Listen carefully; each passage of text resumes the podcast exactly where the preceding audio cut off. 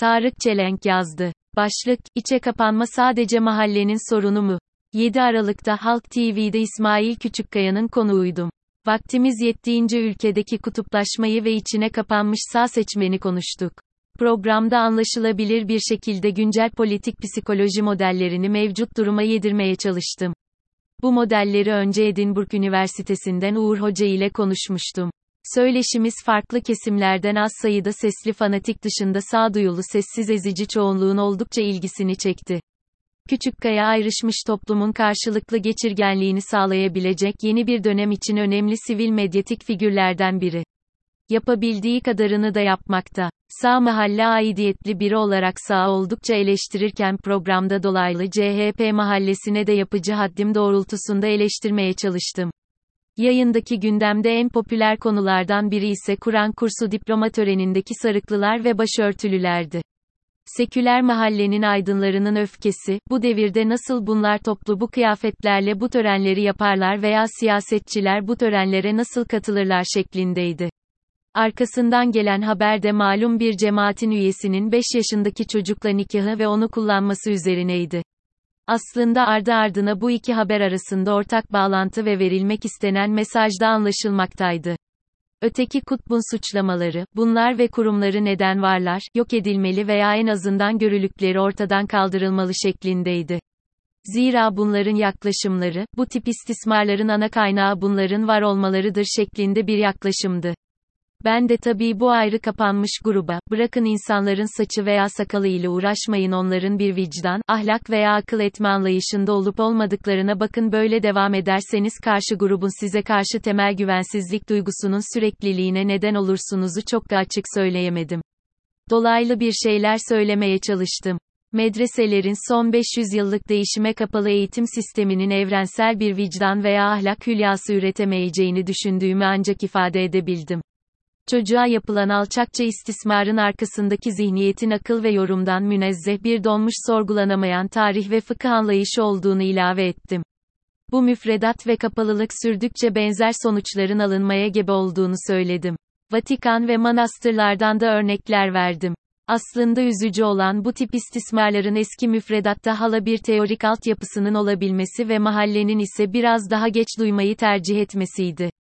Ülkemizde ne yazık ki Cumhuriyet aydınlanma devrimi olarak algılanan şeyin bir görgü devrimi olduğunu, bizlere yaşam tarzında büyük kazanımlar getirdiğini ancak uzlaşma kültürü ve bir bilgi mimarisi, felsefesi bakış açısını getiremediğini de söylemek durumundayız.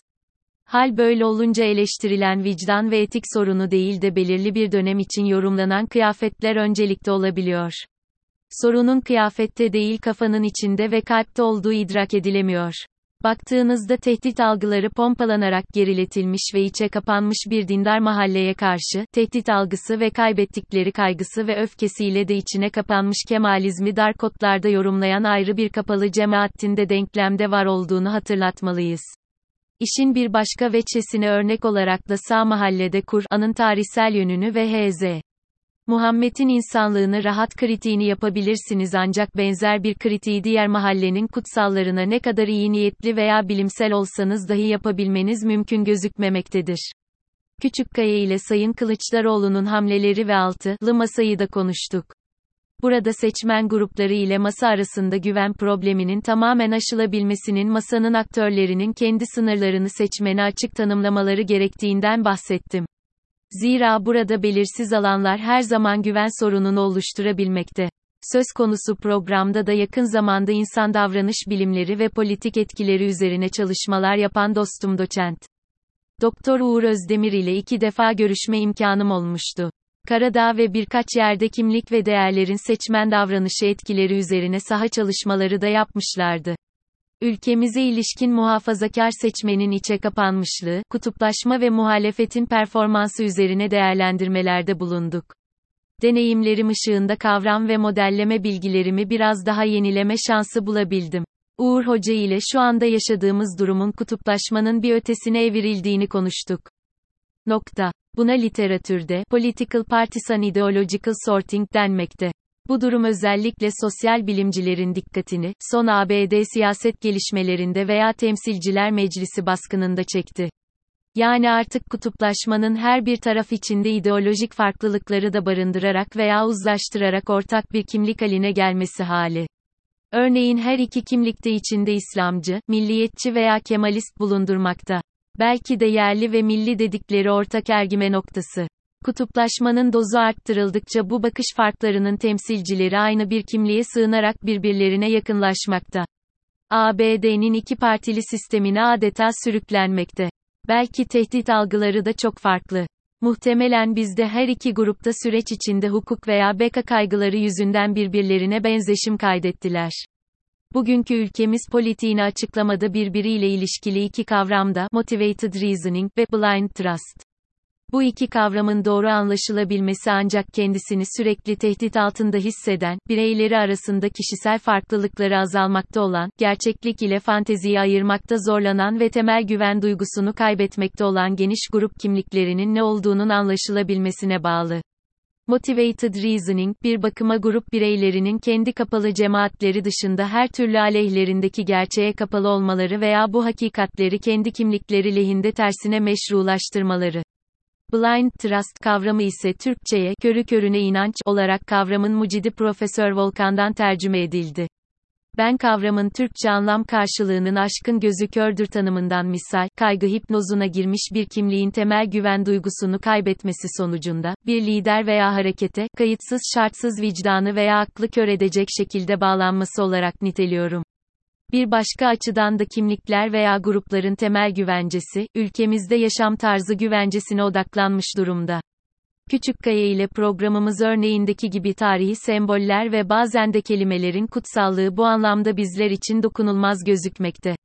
Devlet-birey ilişkisinde devleti kim ele geçirecek kaygısı hepimizin iliklerine işlemiş durumda. Seçim dönemi yaklaştıkça kutuplar veya kimlikler arası geçirgenlikler oldukça azalmakta.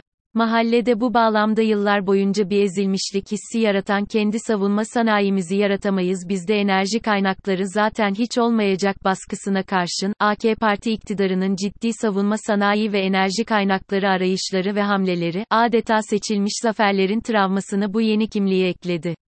Muhalefetin bu kadar motive edilmiş ve kapanmış bir gruba karşı soyut, vizyoner veya günlük gerçekliklerle iletişim kurabilmesi oldukça zor gözükmekte. Hatta mevcut hukuksuzlukları veya yanlış siyaseti de haykırmaları pek bir şey ifade etmemekte. CHP'nin son vizyon toplantısındaki yeşil enerji vizyonu ve yabancı danışmanlar, gayrimilli travma, buna örnek teşkil etmekte. Gelecek, Deva ve Saadet Partileri ise iktidar bloku grubunda kendilerinden olan butik kapanma yaşayan seçmen kümeleriyle iletişim kanallarını açabilmeli. Partiler kendi sınırlarını belirttiğimiz gibi seçmen nezdinde çizebilmeli. Bu iletişim kanallarını grubun özdeşim gösterdiği liderler ve icraatları eleştirel nitelikte yapmamalı. Zira bu durum seçmenin grup olarak iyicene içe kapanmasını sağlamakta. Seçmen ile birebir vicdanı ve güvenini sağlayacak şekilde değer verdiklerini ayrıştıracak bir model geliştirilebilmeli. Bu basit ve kısa yolların seçmenin içine düştüğü fantezi dünyasından uyanmasını sağlayabilecek uyarıcı çimdiklerden oluşabilmeli. Burada bu çimdiklerin ne olması gerektiği önem arz etmekte.